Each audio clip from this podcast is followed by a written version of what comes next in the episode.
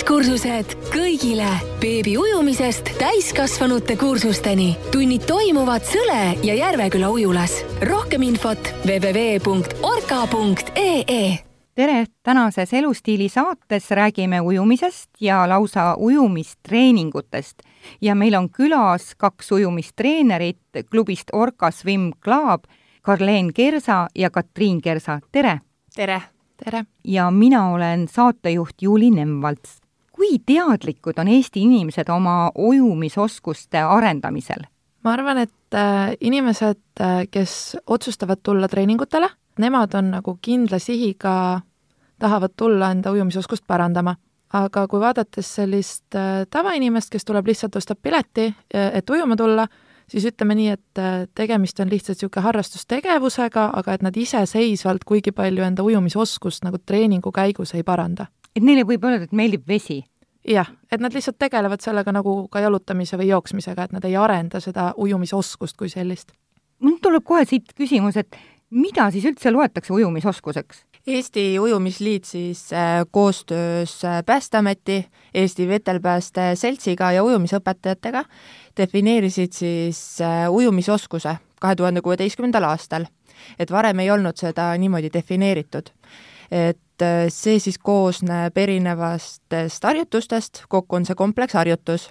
see siis algab sügavasse vette hüppamisest, seejärel tuleb läbida kõhuli asendis sada meetrit. Seejärel tuleb tuua põhjast äh, ese sukeldudes, millele siis järgneb sada meetrit selili asendis ja seejärel tuleb siis kolm minutit äh, hõljuda, mille käigus võib siis vahetada asendeid ja siis harjutus lõpeb äh, veest välja tulemisega. et seda siis loetakse hetkel ujumisoskuseks see põhja sukeldumine, see tundub väga niisugune ekstreemne, kui sügav see vee, veekogu on siis või, või kui sügavale tuleks sukelduda mm? -hmm. seda siis tehakse tihti basseinis, kus siis äh, basseini sügavus võib olla kuskil kahe meetri ulatuses, ulatuses mm, -hmm. jah kas see kõhuli asend või selline asend eeldab mingit kindlat ujumisstiili? ma ei tea, kas krooli ujuda kõhuli või, või? jaa, et kõhuli asendites on siis rinnuli ujumine ja vabalt ujumine, krooli ujumine. ujumisharjutuse käigus võib vahetada neid äh, stiile äh, see oskus ei nõua siis seda, et sa pead ühes distantsis läbima sada meetrit. samamoodi selili asendis võib liikuda ainult jalga, jalalöökidega või siis äh, kätetõmmetega, et võib vahetada stiile, et eesmärk on lihtsalt läbida see distants.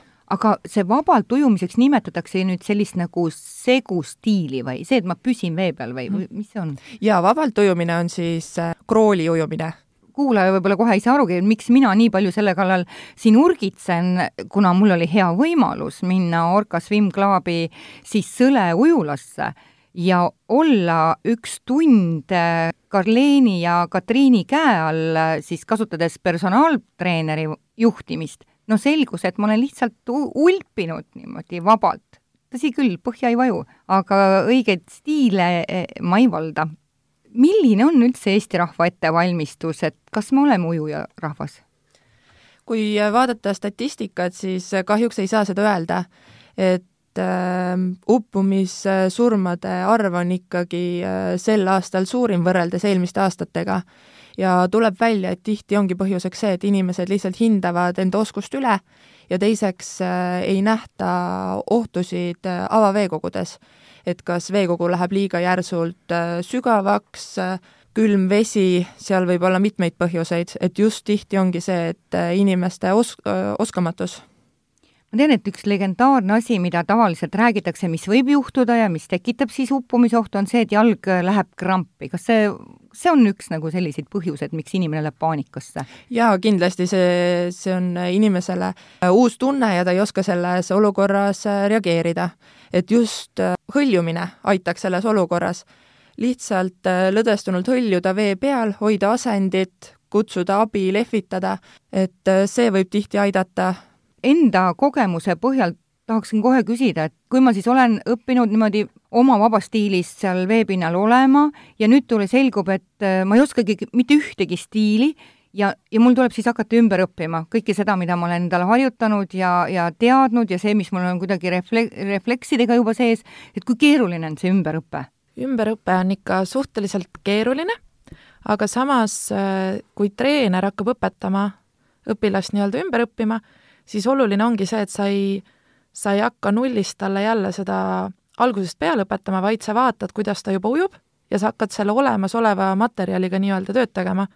et sa hakkad tasapisi järk-järgult parandama neid asju, mida ta natuke valesti teeb. et see ei ole tühistamine, see, et unusta nüüd kõik ära, mis sa, mis sa ennem tegid, vaid sinna siis tasapisi kasvatatakse midagi muud. just nii, et äh, sa vaatad kõigepealt ära, et millega siis äh, ujuja hakkama saab ja lähed sellega edasi. miks üldse on vaja neid kindlaid ujumisstiile? tekkis mul kohe küsimus, no ma ikkagi tundsin ennast seni suhteliselt enesekindlalt, noh, see kadus nüüd kohe ära, eks aga miks neid üldse vaja on?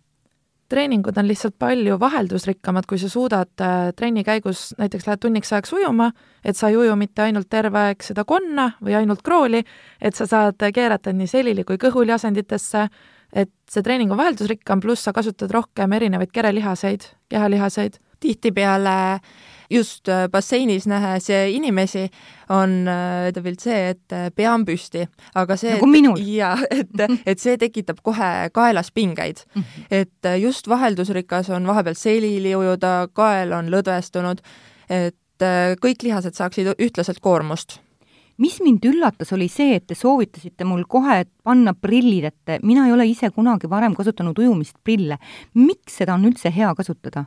ujumisprillid äh, treeningu käigus annavad sulle võimaluse näha, mis su ümber toimub, pluss äh, klo-, äh, kloorivees, kui sa ujud ikkagi pea vee all, siis silmad on pärast punased, sa ei taha neid silmi seal vee all kindlasti mitte lahti teha, et sul see ülevaade kogu basseinist, et sa teistest inimestest saad rajalt mööda ujuda, et sa tunned ennast nagu kindlamalt.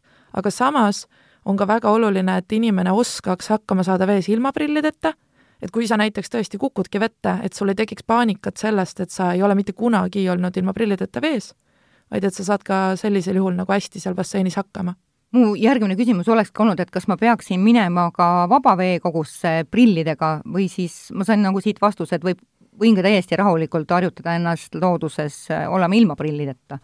Jah, täpselt sest mul on selline tunne, et Eesti veekogud on piisavalt hägusad, et ma ei näe tegelikult seal vist äh, eriti seal vees või kuidas teil on kogemused? jaa, avavees äh, tihti ikkagi ei näe prillidega. räägiks nüüd natukene ka teie klubist, et kas ma saan õieti aru, et tegelikult te tegutsete mitmes ujulas?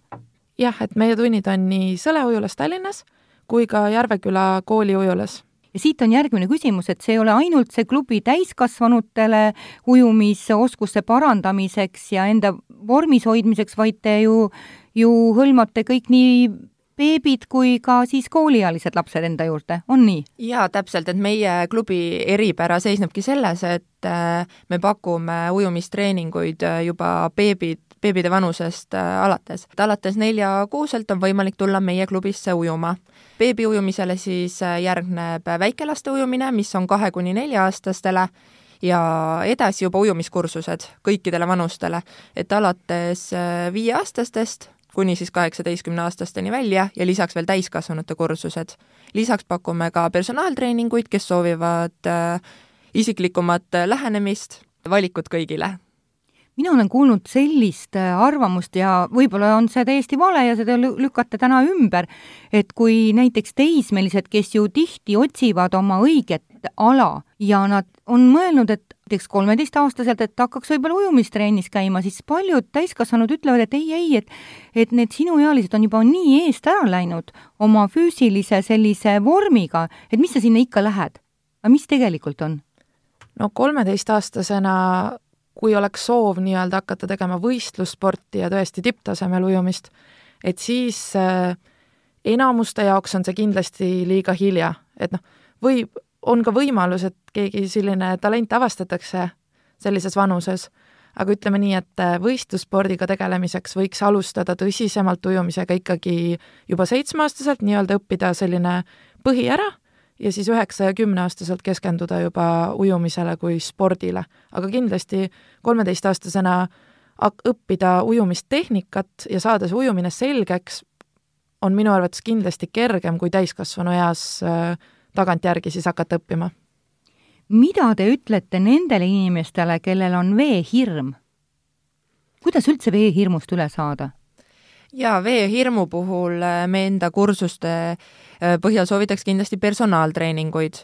et vee, veehirmuga tuleks siis ikkagi äh, üksikult tegeleda, see, et see, kõige tähtsam on selle juures see, et inimene tunneks ennast ise mugavalt.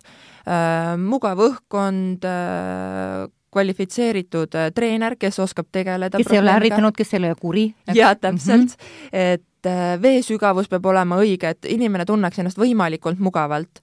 Äh, vesi ei tohi kindlasti olla üle pea, umbes puusani vesi, ja siis äh, juba hakkab veega kohanemine treeneri juhendamisel, seejärel näovette panek, et kindlasti oleneb sellest, et kui suur hirm on inimesel, et kas on juhtunud mingi trauma või ei ole lihtsalt varem veega kokku puutunud mm. -hmm. või on mingisugused eba, ebatõesed uskumused, eks, et minuga võib juhtuda nii või mis iganes perelugu seal taga on. jah, täpselt mm. -hmm ma olen kuulnud veel selliseid uskumusi, et aa, minu luustik on nii raske, et mul ongi keerukam vee peal olla. või teine jälle see, et minu keha on kuidagi nii sellise konsistentsiga, et ma ei suuda sukelduda. mul keha ei vajugi vee alla jah, kuna inimese erikaal on veest kergem, siis tegelikult kõik inimesed äh, saavad hõljuda.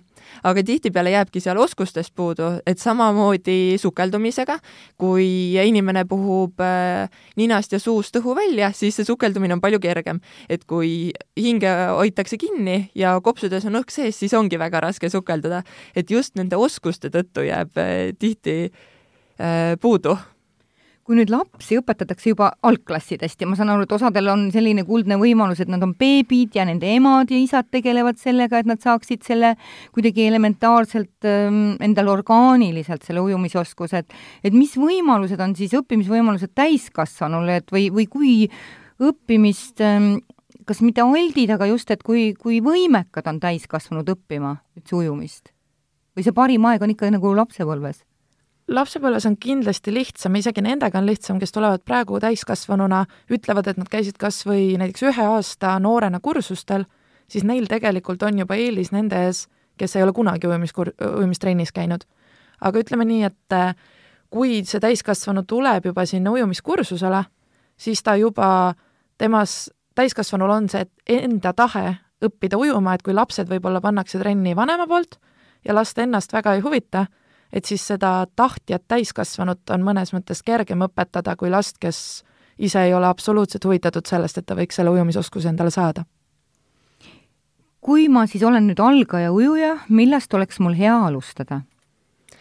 Äh, kursustel me alustame veega kohanemisest, et kõige tähtsam on ikkagi see, et äh, inimene tunneks ennast mugavalt vees et äh, kui, kui on mugavus juba saavutatud, et siis sealt on palju kergem edasi minna seejärel siis mullide puhumine, hõljumine, sukeldumine ja siis juba liigutakse edasi jalalöökide juurde, kõhuliasendis, seliliasendis, sealt juba edasi koos kätetööga. kas see on nii, et kui ma olen endalt selle hõljumisoskuse selgeks saanud, ma tunnen ennast vees vabalt, et kui ma suudan siis seal pinnal olla, siis praktiliselt mul oleks nagu võimatu uppuda et ma saan ju alati puhata, saan alati keerata kas selja peale või kõhu peal olla, kui ma kontrollin seda, et ma ei lähe paanikasse. jaa, kõige tähtsam ongi just avaveekogus ka see, et inimene ise suudaks jääda rahulikuks. et öö, hõljuda võib selles mõttes, et väga-väga pikalt, et siis saab juba abi kutsuda ja siis sind märgatakse, et kõige tähtsam ongi see säilitada rahu ja hõljuda ma olen mõnikord äh, vaadanud veekogudes seda, et on väga tugevad veevoolud, ütleme keskmise ujumisoskuse ja, ja võib-olla ka jõuvaruga ujuja ei ujugi sellest veevoolust nagu välja, et mis siis sellisel juhul teha, on teil mingi hea nõuanne? jaa, et olen kuulnud, et Austraalias on äh, väga tugevad äh, veehoovused ja vesi ongi kandnud inimesed avamerele ja selle käigus on paljud inimesed hukkunud aga on ka neid, kes on jäänud rahulikuks, hõljunud ja seal siis vesi viib kaldast eemale ja seejärel toob kaarega tagasi kaldale. ja inimesed on ka selle, tänu sellele ellu jäänud, et nad säilitavad rahu, nad hõljuvad ja see vesi toob nad tagasi kaldale mm. -hmm. hea teada, et põhimine on ikkagi see, et ma vees ei kaotaks rahu, mul oleks nagu see baasiline usaldus seal olemas, eks et ma siis, see on minu poolt väga suur ju häälestus või on veel midagi, Katariin? Et minu arvates ikkagi see veehoovused ja need isegi kogenud ujujale võivad saada selles mõttes saatuslikuks, et kui sa mõtled, et sa oled nüüd kursustel õppinud hõljuma, et sa nüüd lähed ujud keset järve, jääd sinna hõljuma, et see võib-olla ei ole, sa pead ikka mõistma seda, et sa pead jaksama ka pärast sealt tagasi ujuda, et hõljumine jah, tõesti võib päästa sind sellisest olukorrast, kuhu sa oled juba sattunud, aga ise lihtsalt panna ennast sellisesse olukorda ei ole isegi nagu kogenud ujujal väga mõistlik, et et me peame ikkagi hindama neid vahemaa kaugusi, seda, et tõesti, et kui palju mul seda võhma jätkub, kuigi samas see hõljumine aitab jälle nagu puhata ja taastuda. jah, seda mm -hmm. küll, aga sa kunagi ei tea isegi kas või ilmastikuolud või veetasemed muutuvad, vee need keerised, mida iganes, et et lihtsalt, et ei, et ei tasu panna ennast sellisesse olukorda, kus sul see kallas on liiga kaugel avaveekogus siis. kui me räägime veel siin uskumustest, siis millega teie ise olete kokku puutunud, millega täiskasvanud tulevad teie juurde või mi-, mis muredega nad üldse jõuavad või ainult on suur osalemisrõõm treeningutes? on neil kartusi ka millegi vastu? võib-olla põhiline ongi see, et kui täiskasvanud tulevad äh, treeningule, et siis väga paljud ujuvad nii, et neil on pea veest väljas, nad ei julge seda nägu sinna vette panna ja tunnevad, et see on kuidagi nagu ahistav, ja nüüd, kui sa sealt veest veel peaksid välja hingama krooli ujudes, et see on selline põhiline asi, millega, mis nagu takistab inimest nagu rahulikuks jääma ja proovima õppima seda asja nagu selgemaks saada jah. et, äh, et see näo vette panek ja just see hingamine, see hingamisrütmi saavutamine on nagu täiskasvanutele palju keerulisem kui lastele. Kui nüüd täiskasvanud tulevad teie juurde ja mõtlevad oma peas, et vau, et see on ikka ka natuke ikkagi selline sport, kuigi mul on endal jäänud selline tunne, et äh, vesi on minu jaoks näiteks niivõrd tore keskkond, et see on peaaegu nagu meelelahutus. aga ma täiesti mõistan, et osad mõtlevad, et see on nagu sport ja ta teebki seda treeninguna, et kui palju ma võin loota, et ma lähen, ma ei tea, kaotan kaalust, olen kuidagi lihaselisem, et mis minuga hakkab toimuma, kui ma ujumisega tegelen? ujumine on äh, selles suhtes väga hea spordiala, kuna see koormab äh, erinevaid lihasgruppe, jalalihased, käelihased, äh, seljalihased, et peaaegu kõik lihasgrupid saavad ujumise käigus tööd. eriti veel siis, kui harrastada erinevaid ujumisstiile ja lisaks on ujumine ka sellepärast väga hea, et see on äh, pea traumavaba, et äh, vees on inimese kehakaal üheksakümmend protsenti kergem tavakaalust ja seetõttu on siis äh, liigestele koormus palju väiksem. tihti just seetõttu kasutatakse ka taastusravina ujumist. see on hea uudis või teave ülekaalulistele, kes võiksid anda oma kehale vahepeal ikkagi puhkust liigestele, lihastele, et kuidagi harjuda selle natuke kaalutuma olekuga. just, et äh, see aeroobne töö, mida sa seal vees teed, eriti kui sa oled selle hingamise ka veel sinna juurde õppinud nii-öelda, et selline rahulik aeroobne töö madala pulsiga suuremas osas ja just ongi see, et põlve- ja hüppeliigestele tegelikult koormus puudub, et, et ülekaalulisi ka lapsi tuuakse päris palju meile treeningutele just selle eesmärgiga, et äh, mujal treeningutel võib see koormus nende jaoks olla liiga raske ja liigestele väga selline pingutav. jah mm. -hmm. kui palju see ujumine ise ka mõjub lõdvestavalt, et ma pärast seda olengi kuidagi ka rahulikum või, või mul läheb see vibra ära näiteks, paljudel inimestel on see põhiline ärevus kogu aeg olemas. jaa, täpselt, et äh, vaimselt on ka ujumine väga taastav, sa saad olla äh, oma mõtetega, sa ei kuule teiste inimeste juttu, sa saad keskenduda vaid äh, enda tegevusele. ujumine on väga rahustav ja lõdvestav tegevus, kui soovid seda just teha lõdvestuse eesmärgil. muidugi võib see ka olla väga raske. ja tavaliselt pärast on kõht tühi ja uni tuleb peale, et, et peale ujumistreeningut jah, see unetulek on nagu palju kergem ja kiirem tavaliselt? minul selle treeningtunni jooksul oli, ma panin tähele mitut erinevat asja, mis minuga toimus. üks oli see, et ma ei tajunud üldse, kuidas aeg läheb. mul oli millegipärast tunne, ma olin küll väga väsinud, ma tundsin kohe, et kõik mu jalad ja käed olid väsinud ja nad ütlesid, et Juuli, et pea üks puhkus, aga samas mulle tundus, et ma olen nagu ainult kakskümmend minutit vees olnud. siis, kui sa, Katriin, ütlesid, et tegelikult on juba kohe tund läbi. et see oli üllatav. ja tegelikult et äh, kui me teeme nagu nii-öelda tehnikaharjutusi või õpime uut asja, siis selle kahekümne viie meetri läbimiseks alguses võibki kuluda peaaegu kaks minutit, et kui sa veel puhkad seal vahepeal, sätid endal midagi, et neid otsasid ei tulegi trenni jooksul alguses äh, nii palju kokku, aga lihtsalt äh, selle ühe otsa läbimisaeg on juba suhteliselt pikk, vahele selline väike hingamispaus, eriti kui ujumise ajal on pea olnud vee all, ja siis jah, see aeg äh, lendab suhteliselt kiirelt, eriti kui iga otsa peal on midagi täiustada, mõtled mingi asja peale, et sa oled nii keskendunud sellele tehnika parandamisele ja ujuma õppimisele, sest lisaks sellele, kuidas sa enda käsi-jalgu, pead liigutad, sa pead kogu aeg tegelema ka sellega, et sa seal vee peal püsiksid. et -hmm. siis see aeg nagu lendab tõesti. kui me nüüd räägime sellest, et inimene käib treeningrühmas, siis mitu korda nädalas on selline okei okay käia? või kuidas teie pakute oma rühmadele? Meil on erinevaid kursusi et kuna praegu eriti veel lastel on äh, ajagraafik väga tihe lasteaia, kooli ja teiste huviringide tõttu, siis äh, meil on erinevaid kursusi, on selliseid, mis on üks kord nädalas ja kuni siis äh, kolm korda nädalas. kas täis... kolm korda nüüd on see sport tippspordi asi või see on ikka ka veel harrastussport? jaa, et kolm korda nädalas on ka veel harrastussport, mis me pakume kursusteni, kursustena. et võistlussport käib siin ikka kaheksa-üheksa korda nädalas. Vau! et siis on nii hommikused treeningud kui ka õhtused ja üldkehalise ettevalmistuse treeningud juurde, et, et sel tasemel, et ujujatel on tõesti vaja seal basseinis olla rohkem, kui nii mõnelgi teisel spordialal neid treeningtunde nädalas koguneb. Aga täiskasvanutel on siis täiesti optimaalne näiteks käia kaks korda nädalas või mida teie soovitate? meie kursused on äh, küll üks kord nädalas et äh, see on ka sellepärast, et äh, väga paljud täiskasvanud ei leiaks seda kahte korda nädalas aega, et täiskasvanute kursusi me saame pakkuda õhtul hiljem ja hommikul varem, et nad saaksid tulla, aga ütleme nii, et kui sa tuled siia kursusele ja su soov on õppida ujuma, siis väga hea ongi see, et sa käid korra nädalas treeneriga koos, kes õpetab sulle mingeid uh, uusi tehnilisi nippe, aga samas sa võiksid leida endale selle aja kas või nädalavahetusel, et minna korra iseseisvalt ujuma mm. -hmm Karleen, soovid sa midagi täiendada?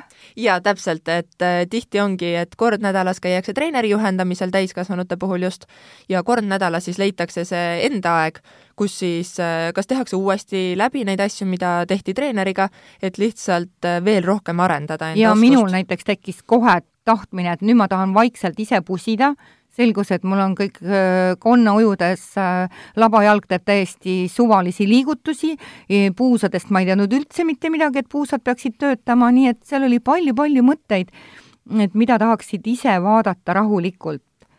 jaa, täpselt, et personaaltreeningutega on ka meil just äh, tihtipeale nii, et täiskasvanud käivad ühel personaaltreeningul ja siis kohtutakse treeneriga juba näiteks nädala või kahe nädala pärast siis äh, vaatab treener oma pilguga üle, annab jälle soovitused, kuidas edasi areneda ja siis juba kohtutakse järgmisel korral.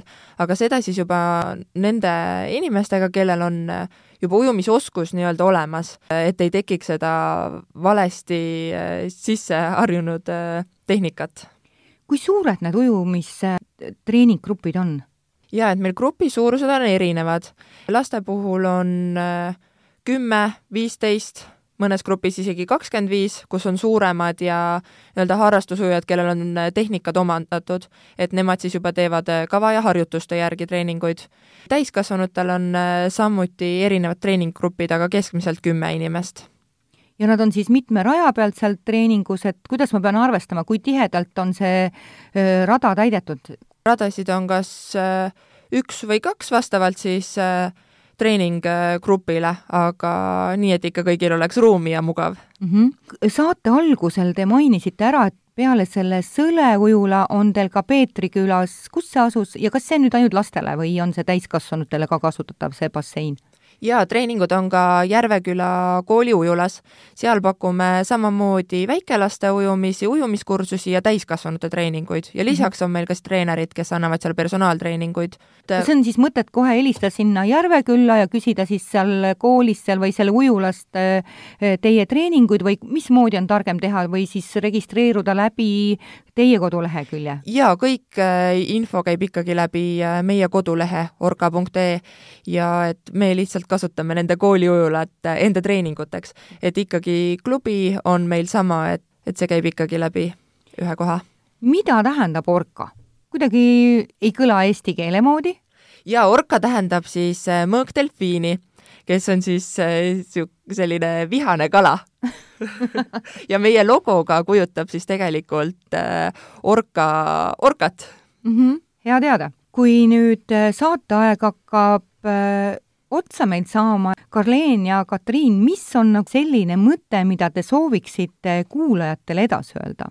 ma arvan, et see, et kui sa oled mõelnud pikka aega, et sa tahaksid mingit huvitegevust nii-öelda teha, kas siis lapsed või siis täiskasvanud, et ujumine on täpselt selline asi, mis tuleb igal juhul kasuks, kui sa tuled ujumistreeningule, et lisaks sellele, et sa saad sellise korraliku füüsilise trenni, sa saad ka tegelikult äh, oskuse, mida sul on ka mujal elus võib vaja minna, et äh, ujumist äh, näiteks Eestis praegu populaarsust kogevad, koguvad need surfid, supilauaga sõitmised, et kõik sellised asjad on ka väga seotud ja mida tänapäeval väga palju veel harrastatakse, on triatlon. Ja tegelikult see kõik ikkagi eeldab seda, et sul on hea ujumisoskus. jaa, et see mhm. ujumine kui selline põhi, et see olemas on, et see on väga-väga oluline, et sa saad seda kasutada nii paljudes erinevates asjades, et, et see kindlasti lisaks treeningule annab see sulle ka väga hea uue oskuse mina veel lisaksin äh, omalt poolt juurde, et äh, mida varem tullakse lapsega ujuma, seda parem see on, et äh, meil on beebi- ja väikelaste ujumised ja just see, kui laps tuleb näiteks kursustele, tal on eelnev kogemus veega olemas, siis palju kergemini läheb see õppimine. näiteks seitsme kuni kaheksa-aastastele on keskmiselt ujumisoskuse omandamiseks kulub ligi nelikümmend tundi aga kui on eelnev kogemus olemas beebi ujumises, väikelaste ujumises, siis on juba suur töö tehtud enne seda mul tuli kohe selle peale üks selline mm, natuke urgitsev küsimus, et kas on mõõdetud, palju täiskasvanu siis öö, omandab mitme tunni möödudes, kui juba laps õpib neljakümne tunniga, kas see on mingi korrutada kahega või kuidas? Täiskasvanutel on see väga-väga individuaalne, et kui täiskasvanu gruppi vaadata, kes näiteks septembris tuleb ujuma, siis äh, nad võivad küll kõik ise arvata, et nad on algajad, aga see algajate spekter nendes on väga-väga lai. et osad on tõesti sellised, kes vaevu-vaevu äh, panevad näo vette, osad mehed, naised võib-olla ujuvad seal kakssada meetrit ilma puhkepausita krooli ja tunnevad, et nemad on ka ikka algajad.